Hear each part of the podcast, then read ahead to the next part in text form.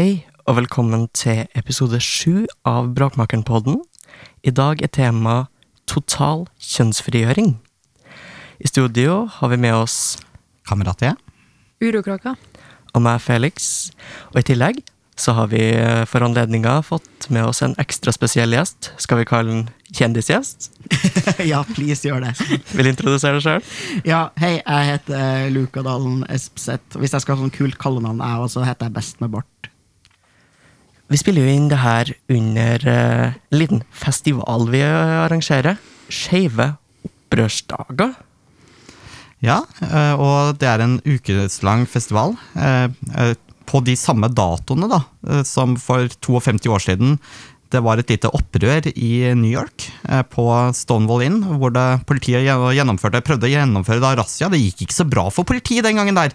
Eh, De eh, Skeivingene gikk til motangrep og faktisk drev den tilbake og holdt fortet i en snau uke. Men det inspirerte jo hele den moderne pride-bevegelsen, og litt av tanken her er jo vært med festivalen er jo å ta tak i den politiske sida ved pride, ved, den, ved eh, skeivt opprør, og understreke hvor viktig det fortsatt er i vårt eh, relative tolerante og likes, tilsynelatende likestilte samfunn, og faktisk ikke glemme at skeivhet er genuint politisk. Og det som står i sentrum for både pride generelt nå for tida, og spesielt skeive opprørsdager, er jo transrettigheter. For det står jo ikke veldig bra til med transpersoners helsetilbud i Norge. Og vi har jo akkurat fått en levekårsundersøkelse som eh, sier litt mer om det. Nei, altså det vi ser, eh, det som transmiljøet egentlig alltid har visst, da, er at eh, vi er en marginalisert gruppe som derfor har levekårsutfordringer. Og den levekårsundersøkelsen som er gjort i Norge i dag, den viser veldig tydelig at vi eh, har dårlig råd, eh, opplever trakassering og diskriminering i arbeidslivet og på studiested, at folk sliter mer med det man kaller såkalt eh, psykisk uhelse, at folk eh, har eh, hatt selvmordstanker, og at veldig mange også har prøvd å ta sitt eget liv. Faktisk 30% som er skyhøyt sammenligna med resten av befolkninga. Og en del en rekke andre eh, liksom, levekårsparametere, hvor man ser at transpersoner skiller seg særlig ut da, fra resten av befolkninga. PKI har jo hatt en uh, kampanje på uh, transpersoners helsetilbud nå i vår, som uh, annet Skeivt opprør har slengt seg litt med på og vært med og promotert. Men vi kan ta litt først. Hva var hovedmålet med kampanjen? Hva, hva gikk den ut på? Ja, vi hadde en kampanje som eh, du finner på hashtaggen 'verdig helsetilbud' nå, som eh, hadde som hovedmål å sette fokus på det faktum at helsetilbudet til transpersoner, spesielt det som går på liksom, transspesifikk helse eller kjønnsbekreftende behandling, er utrolig dårlig. Og da ønsker vi å vise frem de menneskene som er liksom bak de historiene og bak våre krav da, om et mer verdig helsetilbud. Så vi har fått masse mennesker til å fortelle om sine møter med Rikshospitalet og det norske helsesystemet. Og målet med det er jo å, å vise frem at det her er ekte mennesker som lever ekte liv, og at de systemene vi har lagd for kjønnsbekreftende behandling, rammer folk eh, i livene deres. Og forhåpentligvis koble på en slags form for empati da, hos den generelle befolkninga, og en mer en dypere forståelse av hvordan det systemet her faktisk gir seg utslag i livene til folk. Og for å høre enda mer om det her, så vil jeg gjerne kanskje plugge Lukas sin podkast. Ja, gjør gjerne det. Hvis du har lyst til å vite masse om eh, helsetilbudet til transfolk i Norge, og den politiske debatten rundt trans og liksom, transtematikk i Norge generelt, så anbefaler jeg podkasten Trans Norge, som PKI lager. Og PKI er da pasientorganisasjonen for kjønnsinkongruens.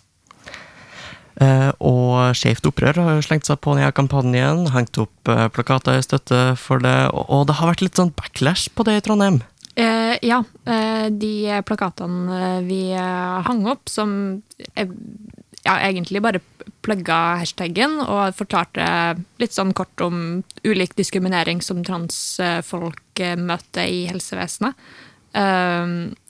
og det er kanskje de plakatene det vi har hengt opp, som har blitt mest aggressivt liksom angrepet og systematisk eh, revet ned. Um, og da ser vi særlig at de har liksom gått og revet ned budskapet og liksom hashtaggen på alle plakater de har kommet over, omtrent. Eh, så det er tydelig sånn, veldig systematisk, og det kan vi jo spore eh, tilbake da eh, til eh, Rede 4, eh, som de kaller seg. Eh, basically en, en gjeng med, med nazister som har organisert for å fjerne folkefiendtlig eh, materiale fra Trondheims gater og sanere byen eh, for den her eh, skumle transideologien hvor man vil ha sånn basic menneskerettigheter i pelsevesenet. Og det var jo ikke bare NMR som har eh, hengt opp eh, Nei. Eller de revne plakater. Vi har jo også Like etter det så fant vi jo også et, noen interessante klistremerker eh, klistra over de samme plakatene. Ja, eh, det var jo eh, slik at eh, en eh, organisasjon eh, eh, som kaller seg Ottar, eh, eh, sto bak en eh, nasjonal kampanje mot det de kalte pornokulturen, Stopp pornokulturen, eh, hvor de blant annet eh, klistret opp utenfor en eh, eh, strippeklubb i Trondheim og utenfor eh, eh, en del virksomheter tilknytta et lokalt firma som bl.a. driver og, og selger eh, sexleketøy. Eh, Det som da overrasket oss veldig, var jo at disse her klistremerkene også havna på plakatene som Skeivt opprør eh, hadde hengt opp eh, rundt omkring i sentrum. Eh, Og jeg gjorde jo litt, prøvde jo å få Ottar i tale på dette, høre om de har, men de har offisielt frasagt seg noe som helst kjennskap til hvordan deres egne klistremerker havnet på våre plakater. Men det vi jo vet, er jo at i en god del eh, såkalte selverklærte radikale feministiske miljøer er jo en sterk motstand mot, eh, mot folk som ønsker en litt mer eh, åpen og radikal kjønnspolitikk. Eh, og man ser at og man har jo dette her eh, begrepet TERF, da, som, eh, som med en gang springer en, eh, en liksom i hu når man eh, ser et sånt utslag av, av, eh, av aktivisme, eller motaktivisme, eh, fra, fra reaksjonære miljøer. Eh, Og det er jo egentlig veldig interessant å se her hvordan disse forskjellige gruppene eh, her eh, klistrer seg på hverandre. Eh, og jeg skal ikke gå en veldig dyp og lang analyse på det, men vi ser at fascister og nynazister, sånn som disse eh, NMR-folka, og eh, folk som har vært tilknytta Kvinnefronten, Ottar osv., i overraskende stor grad driver og krysskommenterer på hverandres Facebook-innlegg osv. osv. Jeg har fulgt litt med og sett bl.a. at fremtredende personer tilknyttet på en måte Kall det TERF-miljø. De vil jo ikke selv kalle seg TERF-miljø, men eh, vi kan jo kalle dem det. Eh, De kaller jo oss veldig mye rart og stygt. Eh, Og og nynazister driver jo og, og kommenterer på hverandre. Jeg har jo selv sett hvordan Tore Tvedt, gamle nynazistlederen i, i Vigrid, har eh, digga Tonje Jevjons sine eh, Facebook-oppdateringer og vice versa.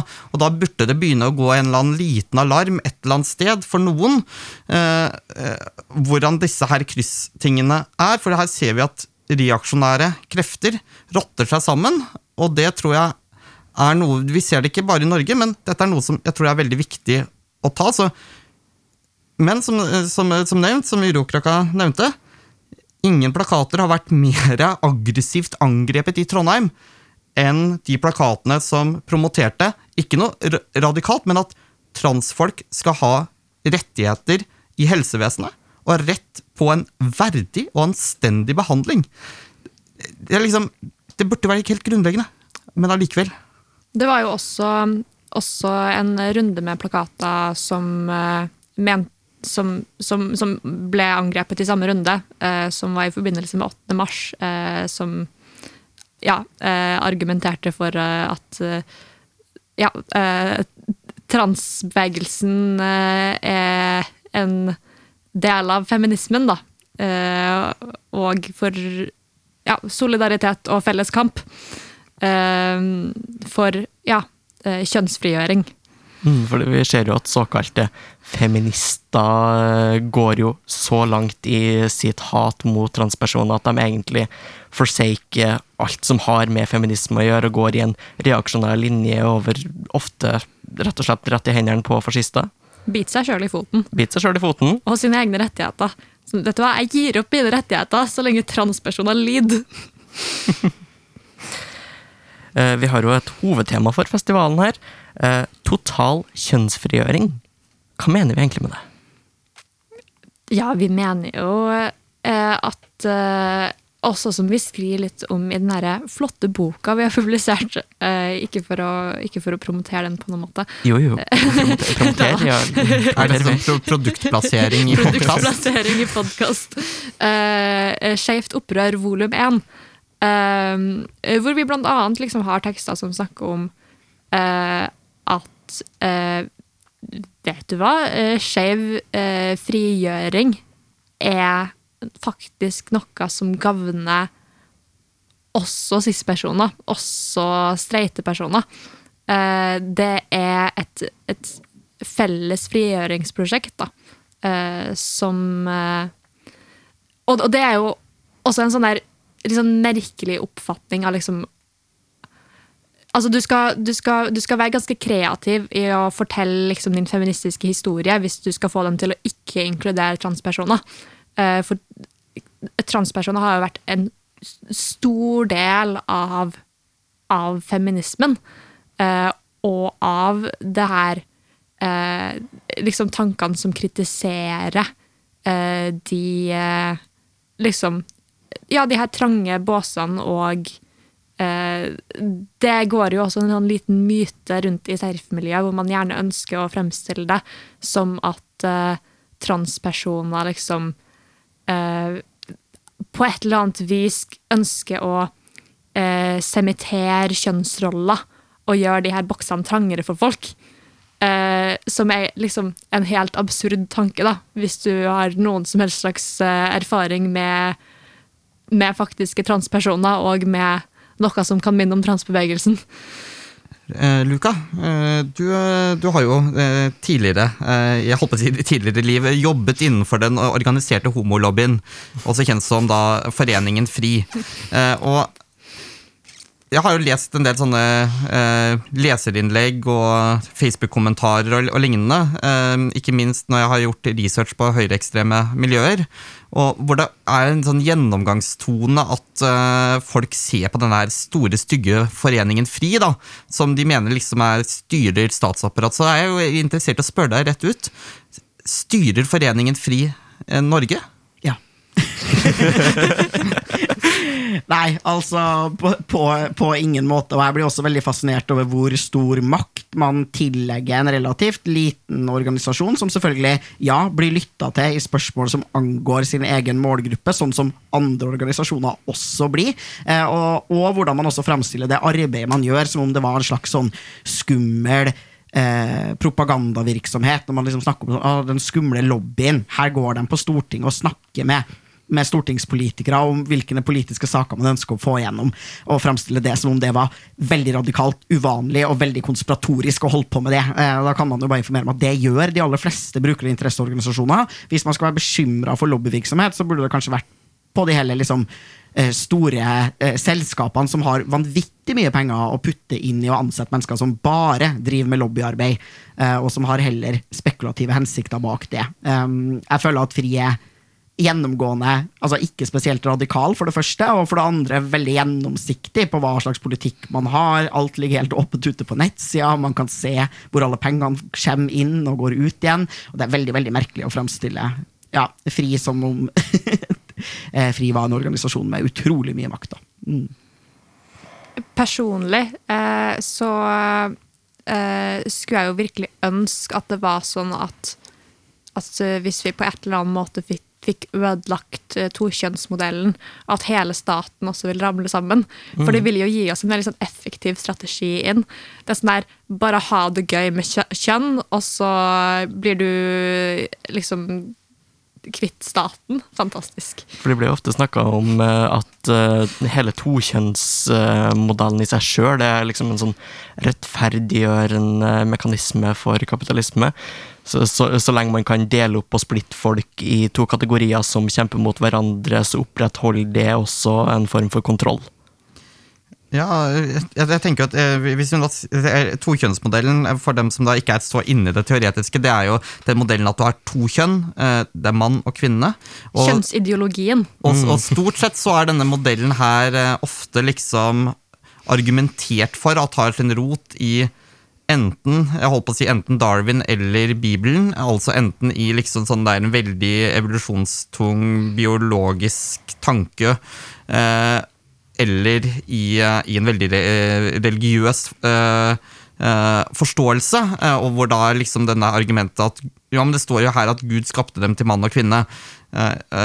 Ok, men her tror jeg det er igjen viktig at vi da ser at eh, kanskje er det på tide å legge litt fra seg dogmene, enten du eh, finner forsvar av disse dogmene i, i Skriften eller i noen andre skrifter. Eh, for verden er jo mye mer sammen, sammensatt. Hvordan eh, ser f.eks. dere i PKI på eh, dette med kjønn og kjønnsmangfold? Ja, altså vi er jo en eh, organisasjon som for så vidt eh, er ganske pragmatisk i liksom vedtatt politikk. Vi har noen sånn konkrete krav som i all hovedsak handler om helsetilbud. Men bak det så ligger det jo selvfølgelig en forståelse av kjønn, som er en, eh, det man jo kaller en mangfoldsforståelse, hvor det grunnleggende prinsippet er at eh, mennesker kan ikke striktlig deles inn i kategorier kvinner og menn. Eh, og at det av den eventuelle kategoriseringa ikke automatisk følger noen regler for hvordan vi burde eller skal oppføre oss. Og det er jo bare en sånn enkel konstatering av et ønske om at mennesker skal oppleve frihet i livet sitt, og at det ikke er riktig eller moralsk altså Du kan ikke moralsk forsvare å tvinge mennesker til å oppføre seg på en spesifikk måte bare fordi de tilfeldigvis f.eks. produserer sædceller eller eggceller. Eh, og vi legger jo også til grunn selvfølgelig en forståelse av biologi som er mer mangfoldig. Når vi som mennesker kaller naturen i to sånne distinkte kategorier, så overser vi hvor flytende skjønn faktisk er, da, også i, i biologien. Det er liksom, Man framstiller det som om eggceller og sædceller er to radikalt forskjellige ting. Og så er det sånn, det er helt likedanne typer celler som har som mål å kunne smelte sammen en annen celle og lage et nytt individ, og den ene er litt større enn den andre, og så har den som er litt liten, en sånn liten hale som gjør at den kan svømme, men de inneholder jo omtrent det samme, og bidrar på helt lik linje i den der reproduksjonen òg, så det er veldig merkelig å Ja, toskjønnsmodellen er merkelig. Det, og, jeg, og jeg tenker at den er enda mer merkelig når vi begynner å se For en ting er hvis man jo bare hadde sett på det sånn reproduktive, så, men, men saken er at denne tokjønnsmodellen den blir eh, applikert på alt mulig annet. Så på et eller annet vis så er jo alt fra hvordan vi grer og klipper håret vårt, til hvordan vi skal snakke, hvordan vi skal performe, på et eller annet vis forsøkt innpasset i en, eh, det som påstås å være liksom naturlig. Eh, så kan man jo her se på litt mote og sånn tilbake i tid. Eh, så kan man jo fort begynne å nøste opp i en del av de motefenomenene vi veldig kjønner i dag. da. Eh, min favoritt er vel høyhælte sko. Som jo er et eh, militærantrekk eh, hentet egentlig med inspirasjon fra det persiske kavaleriet. Så vi skal tilbake til liksom Persia og Nord-India, hvor man jo tidlig lærte seg å bruke stigbøyle, men hvis du sitter med en stigbøyle, så kan det være kjekt å ha en litt større hæl på skoen. Eh, I tillegg var jo mange kavalerister eh, relativt lette i kroppen. eh, Og derfor ønsket de jo gjerne også ha litt mer høyde, sånn at de fikk litt mer status når de var ute og gikk sammen med fotsoldatene når de ikke satt på en hest. Så derfor utviklet det seg en trend som siden blir plukket opp av adelen i Frankrike og Italia. Som igjen da gjør dette til et moteplagg, som de da regulerer såpass sterkt at ingen andre enn skal i hvert fall ikke ha høyere hæl enn kongen. liksom. Men så blir jo dette igjen en del av den moderne moteindustrien og går inn og blir selve symbolet på, kall det, et feminint eh, antrekk, nemlig å ha en spiss sko med høy hæl. Det er jo en eh, En annen ting som er litt spennende her, hvis vi både tenker litt på det her med liksom de strikte liksom tokjønnsmodellen, men også liksom sånn PKI.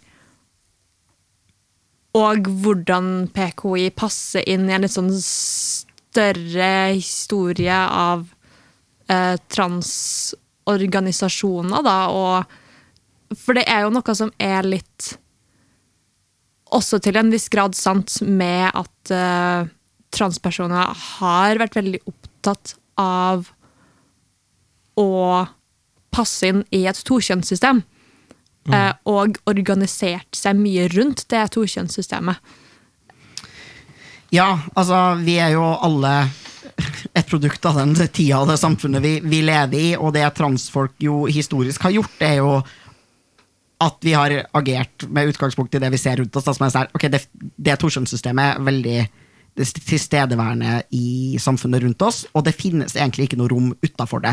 Og det rommet kan man selvfølgelig prøve å lage, men den kostnaden ved å prøve å lage et rom som ikke allerede eksisterer, er ganske stor. Da snakker man om liksom grov diskriminering, ekstrem marginalisering i samfunnet, tap av alle liksom grunnleggende rettigheter. Så det transfolk jo har gjort, er jo til dels både å følge egne indre behov og ønsker når det kommer til kjønn, men også selvfølgelig en tilpasning til samfunnet rundt oss. Så det tror jeg jo alle mennesker gjør. Eh, det er jo derfor vi Altså, det er jo opplagt ikke gitt at det å ha en penis eller en vulva fører til at du får lyst til å oppføre deg på en spesifikk måte. Alle mennesker blir innprenta de her samfunnsnormene og tilpasser dem seg i større eller mindre grad. Um, men transfolk har jo historisk sett vært opptatt av å uh, gå fra den ene kategorien til den andre kategorien. fordi den eneste veien som har blitt gjort tilgjengelig, både liksom, ja, egentlig gjennom alle samfunnsstrukturene Helsetilbudet har vært organisert rundt ideen om at man skal flytte seg fra en kategori til en annen. Alle sosiale normer, lover og regler har også vært organisert i den samme tokjønnstenkninga.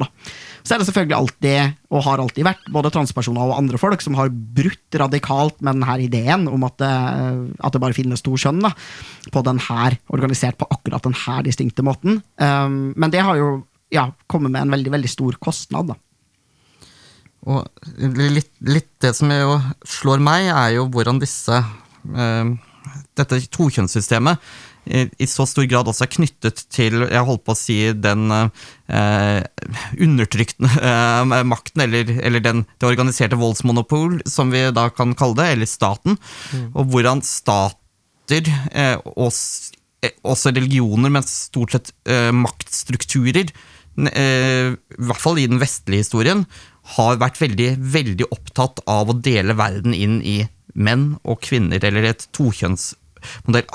Hvorfor er det egentlig slik? Hvorfor av alle de mulige forskjellene vi har i, mellom oss i samfunnet, så er det akkurat den som eh, virker å være liksom hjertet av, eh, av, eh, av, eh, av maktstrukturene, og, og såpass sentral? Jeg har ikke noe godt svar på det, men det, det jeg ser, er at veldig mange bruker nettopp det at kjønn som inndelingssystem er relativt utbredt over tid og sted og på tvers av kulturer, som et argument for hvorfor den, akkurat denne kategoriseringa er mer ekte enn andre sosiale konstruksjoner og andre sosiale kategoriseringer. Eh, det vil jeg bare si at jeg er eh, grunnleggende uenig i, men eh, det er vel til dels basert på en del kjønnstrekk, og sekundære kjønnstrekk spesifikt, altså dem vi utvikler i puberteten, er relativt synlige for omverdenen, og at det er eh, lett å lage et system hvor man putter folk inn i de her kategoriene på, basert på utseende. Andre trekk ved kroppene våre og utseendemarkører er mer diffus. Da.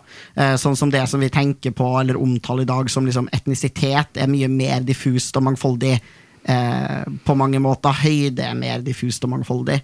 Um, ja, og så er det jo Det jo altså Det er jo noen ting ved kroppen, f.eks. det å kunne gå gravid, som jo unektelig er forskjellig fra å ikke kunne gjøre det. Altså Det er en mye større sånn kostnad og en sånn kroppslig ting da, som er reell.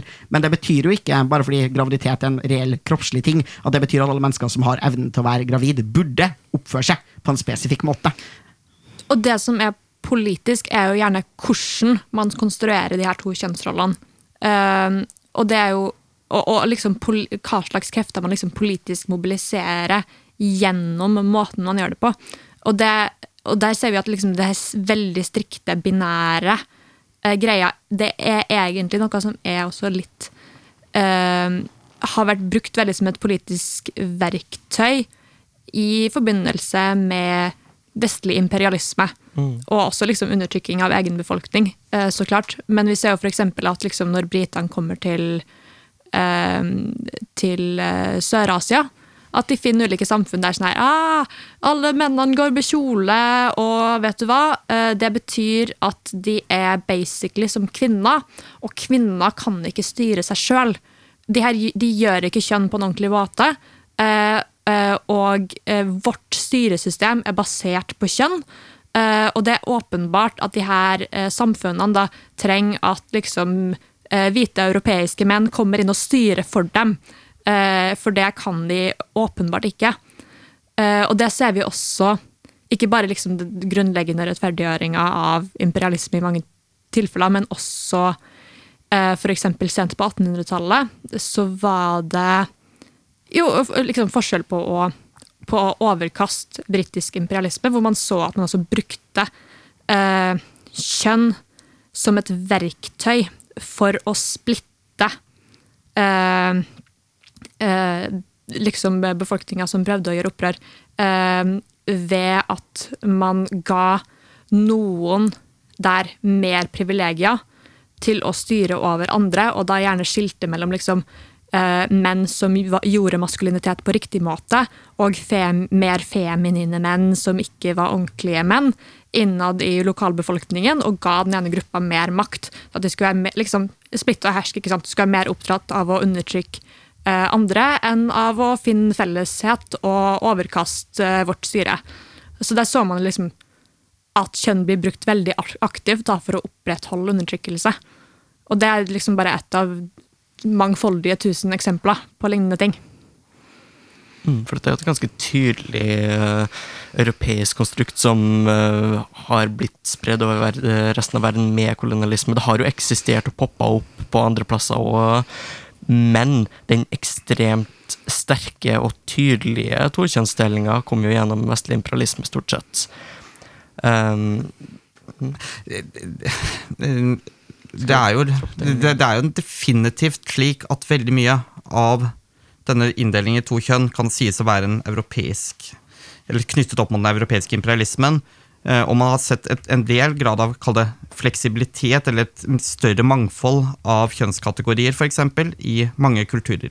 Men samtidig så tror jeg heller ikke at vi skal underkommunisere eh, tokjønnselementet inn i den felles på en måte eh, kulturhistorien, som også har sitt opphav også i den i, i, den, eh, i Midtøsten og i, og i f.eks. som både kristendommen og jødedommen og islam har sitt felles utgangspunkt i de samme tekster og kulturtradisjoner. Så jeg tror at det er også viktig at vi her ser dette i en større helhet. Og så kan man jo si at det er f.eks. når man kom til, eh, til India, observerte at det var også andre kjønn som på en måte var, var systematisert i samfunnet, så tror jeg det har vært også litt sånn romantisering, tror jeg, i, etter, i etterkant. liksom, Å, å, se, her har du noen som da kan passere som et annet kjønn, osv., enn dette tokjønnsmodellen. Men igjen så må vi også se at disse kategoriene, det er ikke nødvendigvis slik at det er veldig lukrativt å f.eks. ha status som eh, et annet kjønn. Du blir da også innlåst i enkelte båser, og her må man se f.eks. Hvis man skal se på Sør, uh, Sør-Asia, for eksempel, så må man også forstå kastesystemmekanismen inn. Og, og, og, her er det jo lett å på en måte sammenblande, men også lett å vil jeg si også litt overromantisere tanken om eksemplene på, uh, på uh, ut. Og jeg sier ikke med det at det på en måte er ikke er det ene eller det annet, men her tror jeg det er også viktig at vi ser på en måte den litt sånn balanserer det, for jeg ser at en del aktivistmiljøer, så er den veldig sånn Jippi, her er på en måte beviset for at ikke-binære modeller for kjønn er på en måte utbredd, men å si at det er på en måte en primært vestlig, det tror jeg det er noe vi ikke helt entydig kan si med hånda på hjertet. Det er jo noe som, som Kjønn er jo noe som brukes av på lik linje med religion og alt mulig annet som brukes for å sementere makt i alle mulige slags systemer på ulike måter. Eh, og på veldig ulike måter. Men jeg tenker at det er helt klart at den vestlige forståelses altså den vestlige forståelsen av skjønn, med, hvor man har ønska å underbygge toskjønnsmodellen via den såkalte vitenskapen, og hvor man har brukt veldig mye tid og energi på å eh, argumentere for at toskjønnsmodellen er rett gjennom vitenskap, medisin, sykeliggjøring av mennesker som bryter kjønnsnormer, sykeliggjøring av homofili, av transkjønn, av intersex osv., har blitt altså er særlig problematisk og særlig utbredt. Eh, og at eh, selv om man har hatt eh, ymse toskjønnssystemer opp gjennom historien på andre måter, så er den her en særlig voldelig og særlig utbredt versjon da, av toskjønnssystemet. Det vil jeg Ja. påstå. Og her, og her kan vi jo dra tilbake til spesielt opplysningstida. Eh, Og, gå i dybden på hva opplysningstida gjorde med eh, systematiseringstendenser. Og det er jo det samme som vi også ser f.eks. i eh, diskusjonene om, eh, om f.eks. rasisme. Og, og også denne sterke trangen som man ser på 1700-tallet i Europa på å lage nettopp disse hierarkiene, da. eh, Og ikke minst putte inn i båser. Eh, og den er jo også knyttet til sammen med eh, f.eks. Eh, kolonialisme og opprettelsen av koloniveldene. Eh, eh, de første koloniene var jo rett nok opprettet lenge før eh, s- eh, 1600-1700-tallet. Men det er jo først når vi virkelig ser på 1700-tallet at du får denne på en måte kolonialismen hvor du etablerer hele legger hele riker under på en måte strukturene. Så er det selvfølgelig det at du kan si det spanske imperiet i Latin-Amerika sånn, passer ikke helt inn i den modellen. Men fortsatt, hvis vi ser på det franske og det britiske, som jo har nettopp denne kall det, i anførselstegn vitenskapelige tilnærmingen, så ser vi jo det. Skjønt, det var jo eh, under opplysningstida også, for eksempel Nå tenker jeg liksom på den mer radikale eh, delen av opplysningstida. Eh, for det er jo liksom et skille der mellom liksom liberalistene og de faktiske radikale folkene som eh, argumenterer både mot imperialisme og for demokrati. og um, Der har vi et interessant case med uh, Dennis Diderot, for eksempel, som også hadde et ikke-binært syn på kjønn, som han grunnla liksom som vitenskapelig. Altså nei, vet du hva? Hvis vi ser på de her kroppene og de her menneskene, og alt mulig, så er de, det er ikke noe binært ved det. Nei, Det er jo en villa sosial greie. Altså når man, man har jo i vitenskapen oppdaga at å ja, det vi kaller klitoris og det vi kaller penis, er helt liksom lignende strukturer som har noe forskjellig eh, hormonpåvirkning under fosterlivet og senere i puberteten. liksom. Og så har man jo underspilt nettopp det ikke-binære i det, og det flytende overgangene. Der så har man liksom vært sånn, ja, ok, Det ene er mann, og det andre er kvinne, og så later man som om det er liksom en radikal forskjell. Og det er jo det man i stor grad må anerkjenne når man skal forstå biologi også. er liksom, Her har vi putta noen sosiale normer og ønska sosial inndeling på natur som bare eksisterer. For ikke å snakke om liksom hva de forskjellene betyr. Eh, og det er også noen, liksom, når vi snakker om de, a- når, vi, når vi ser tilbake på historien også, uh, med liksom å, alle ikke-binære folk i samfunn osv. Uh, det er jo også liksom ingen eksempler på noen samfunn der man ikke har hatt en generell tendens mot en mannlig og en kvinnelig kategori, selv om de har vært konstruert på veldig ulike måter. Eh, Så det er jo ikke sånn at eh, noe som helst eh, slags måte å organisere kjønn på ikke vil lede til at du har i hovedsak to dominante grupper med litt ulike roller. Og det tror jeg ikke det er noen som argumenterer for heller. Vi snakka en del om hvordan de her Eller hvordan kjønnsnormer har bredt seg ut, hvordan de har sementert seg. Men hvordan går vi forbi tokjønnsdelinga? Hvordan finner vi alternativer til den modellen som vi da må si ikke bare undertrykker ikke-binære, men også alle? Jeg tenker at man må eh, til en viss grad gjøre seg kjent med å snakke om hvordan de her tingene har oppstått, og hvordan de her maktstrukturene fungerer, men jeg tenker at man også bryter og ødelegger dem veldig ved å la mennesker få større frihet til å gjøre skjønn på en måte som føles kul for dem. da. Eh, og det vil jo være gjennom f.eks. å gi transfolk reell tilgang til et helsetilbud. Det er med på å ødelegge og rive ned eh, her, den her tokjønnsmodellen. og det i motsetning til hva vi da blir beskyldt for, så sementerer vi på en måte virkelig ikke eh, kjønnsroller og kjønnsnormene i samfunnet. Vi er med på å gjøre det utrolig synlig for folk hvor sosialt konstruert de her kategoriene er, og hvor lite naturgitt og determinerende de er. Og det er jo skikkelig deilig. Så det er jo én inngang. Det finnes jo mange andre måter å knuse det her systemet på. Jeg, tror, jeg, tror, en av de tingene som uh, man kan se på, og som jeg tror vil være genuint frigjørende, det er jo f.eks. om man på et eller annet vis uh, kødder litt med hele den systemet hvor man skal å registrere inn i to kjønn, eller for den saks skyld inn i to kjønn pluss en annen kategori. For to pluss én er ikke nødvendigvis heller i seg selv frigjørende det som hadde vært frigjørende, hadde jo vært hvis f.eks. staten da, eh, hadde bare ikke hatt dette med kjønn som en kategori for å inndele mennesker. Tenk bare hvis vi hadde stemplet passene våre med religiøs tilknytning. Eller det var jo noen som prøvde å gjøre det en gang i tiden, og det var jo uh, Jeg tror det er svært få som jeg tror ønsker seg tilbake til den situasjonen. De finnes jo selvfølgelig. Uh, det finnes alltid fascister. men kjønnsfascismen ligger jo, ligger jo der oppe i dagen for alle. Personnumrene våre i Norge er jo kjønnet. Man kan snakke, tror jeg, da mye om, og det har vært mye snakk om hvordan man performer kjønn sosialt. Men det som jo virkelig tror jeg ville ha åpnet opp, hadde jo vært om man rett og slett slutter fra det offisielle, myndighetenes side, og, og kjønne folk. Hvorfor skal myndighetene Eh, på et eller annet vis tiltale deg ved ditt kjønn? Eh, er det en relasjon med myndighetene som er naturlig? Der mener jeg det er det definitivt ikke.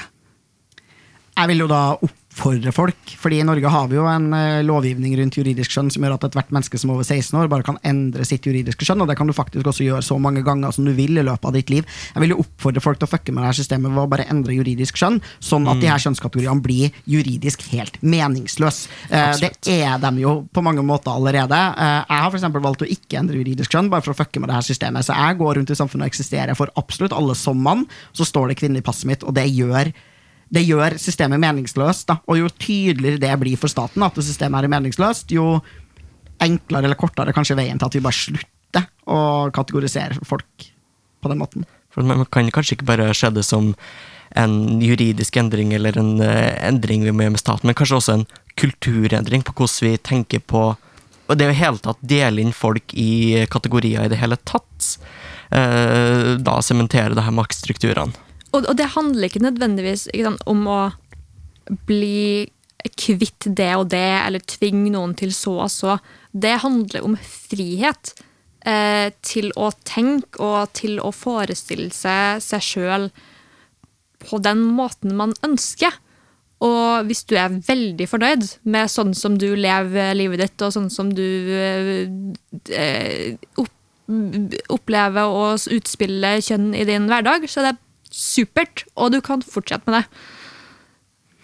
Jeg tenker at Det er veldig viktig når man snakker om liksom, hva skal den totale kjønnsfrigjøringa være. da, så tenker jeg at Det er veldig viktig å, å også anerkjenne at kjønn er veldig viktig for mennesker. Og kan være et, eh, en arena for glede og utfoldelse i veldig stor grad. da, så når vi liksom, hvert fall når jeg da snakker om liksom en total kjønnsfrigjøring, så er det jo en frihet fra og en frihet til kjønn. Altså Du mm. skal få lov til å gjøre masse gøy med kjønn. Og hvis det du gjør også bare er ganske normativt og stort sett det folk forventer deg, så det er også helt greit. Kjønnseufori for alle. Ja, ja. Det, være, det, er virkelig en arena for glede og utfoldelse. Og veldig mye skeiv kultur handler jo nettopp om glede i å primært tulle med, men allikevel gjøre skjønn da, på spesifikke måter. Og jeg anerkjenner også at heterofile cis-folk kan finne glede i å gjøre skjønnet sitt på en svært normativ måte. De tenker kanskje ikke så mye over det, men det, det vil jeg tro de gjør, all den tid de jo tilsynelatende gjør det, i hvert fall i veldig utstrakt grad. Så vil jeg tro det er fordi det er tilfredsstillende på et eller annet nivå.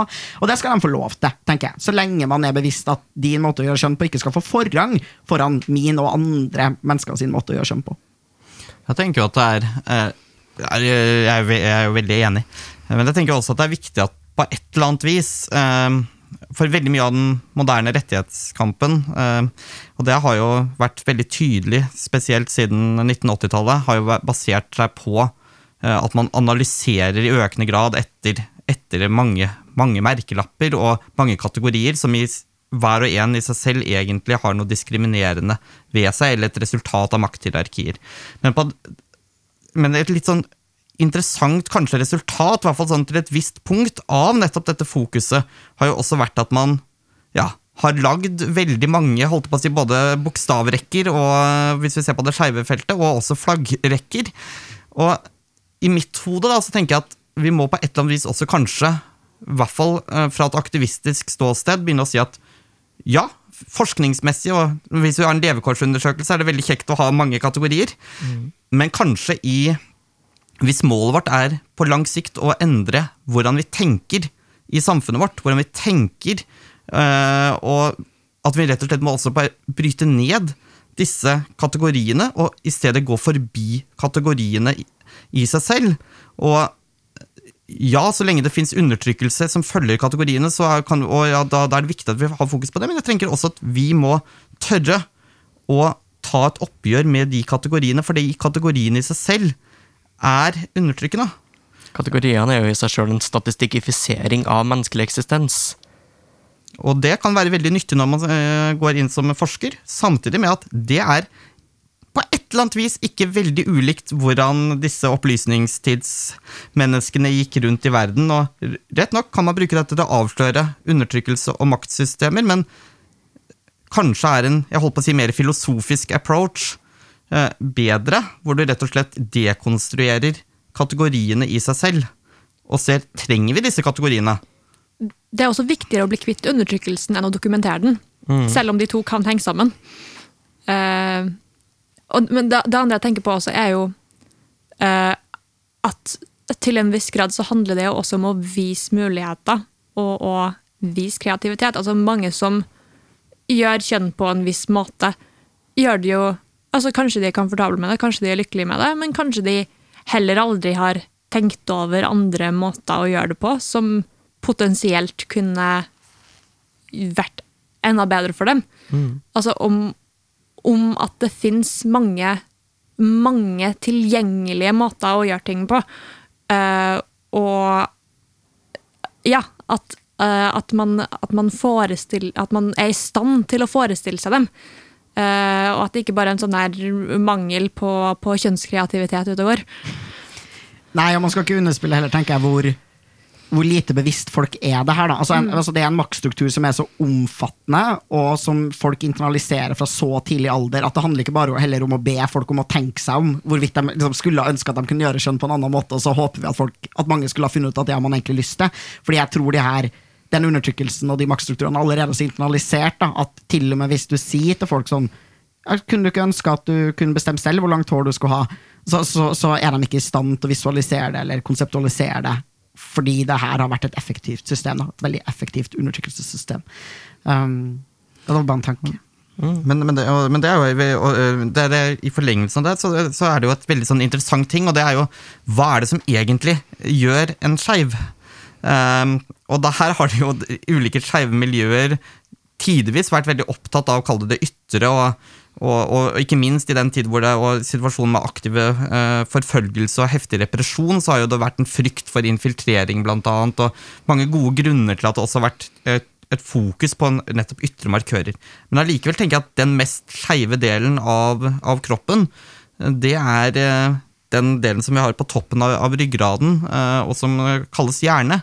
Eh, det er jo i i hodet vi konstruerer oss selv som individer. Eh, og det er også der jeg tror nøkkelen til skeivhet er. Så hvis man tenker enda litt lenger, det har jo vært innimellom liksom diskusjon hvem er egentlig skeive nok til å være skeive.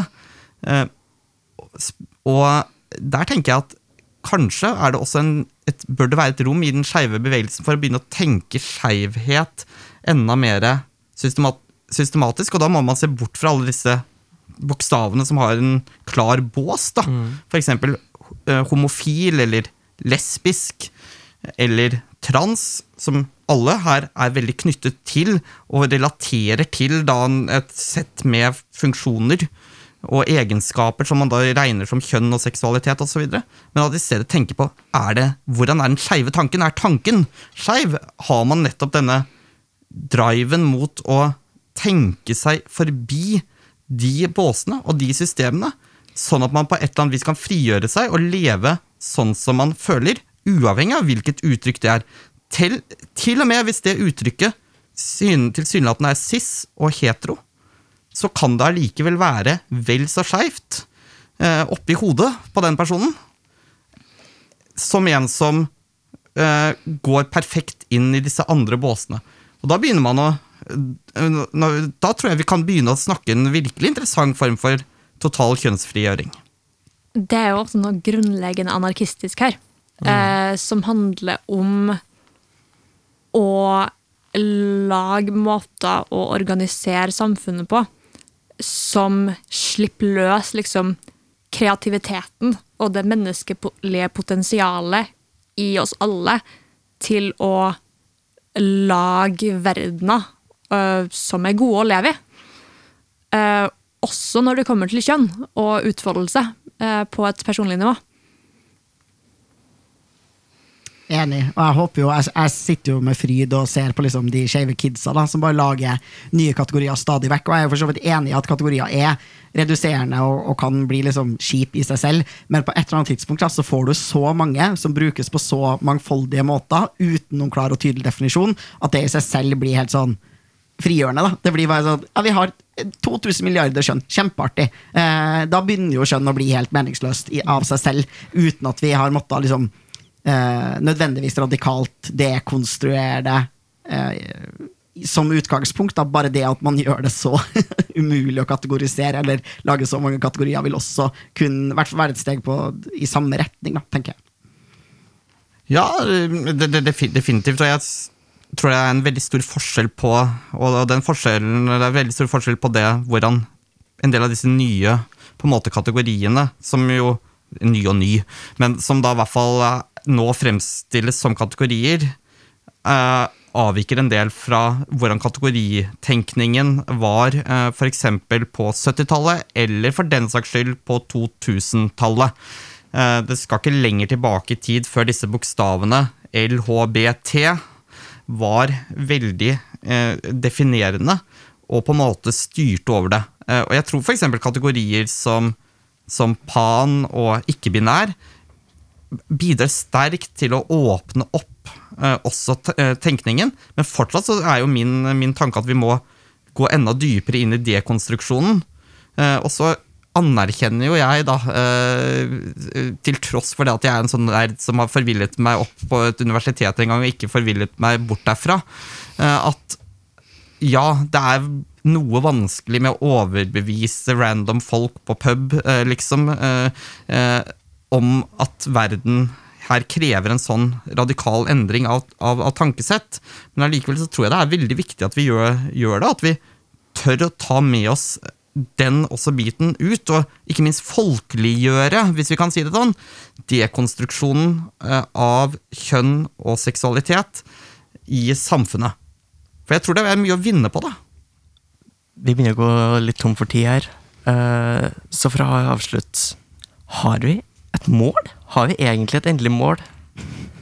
Hvor vil vi hen til slutt?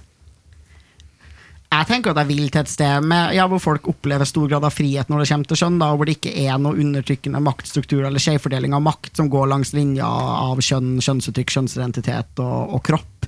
Men jeg er helt åpen for at vår bevegelse kan forandre målet underveis, og det tror jeg man har gjort, og sannsynligvis også kommer til å gjøre i framtida.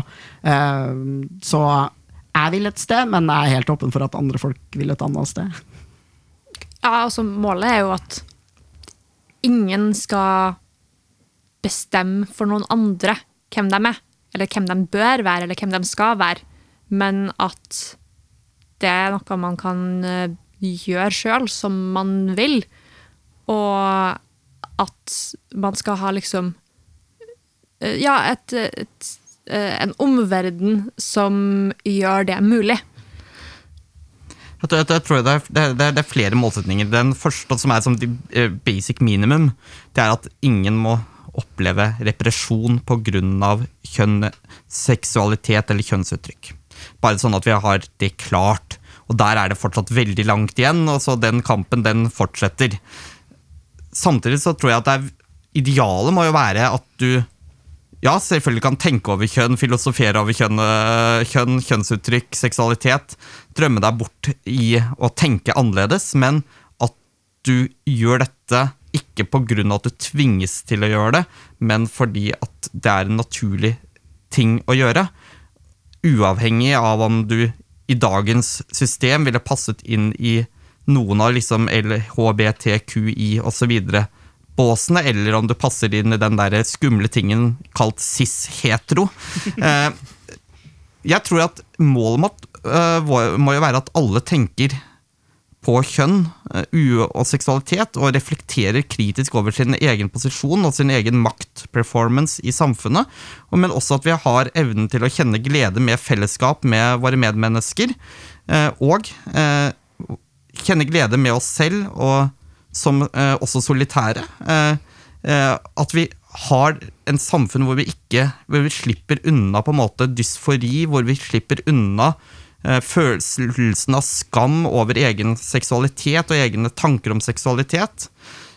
Så i hvert fall slik jeg tenker det, så må vi også gå videre da, inn, i en, inn og rett og slett inn i denne frigjøringen. Og, og, den prosessen, jeg tror det viktigste middelet må, på veien der, er å ha gode, trygge miljøer som er inkluderende, og hvor også, som er genuint skeive, men hvor også cis-hetero folk som tenker skeivt, og som ønsker å være med på et skeivt og kjønnsfrigjørende og seksualitetsfrigjørende prosjekt, er hjertelig velkommen. Dysfori er jo et veldig spennende ord. Eh, fordi Selv om vi veldig ofte snakker om dysfori bare i henhold til transpersoner, så er det jo et generelt begrep. Det er jo liksom det er mange former for, for, for, dysfori, og kjønnsdysfori er bare én av dem. Og målet er jo å ha et system som ikke dyrker dysfori. Vi vil bekvitte det dysforiske systemet og ha et system som dyrker glede. Tusen takk for at du hørte på denne episoden av Bråkmakeren-podden.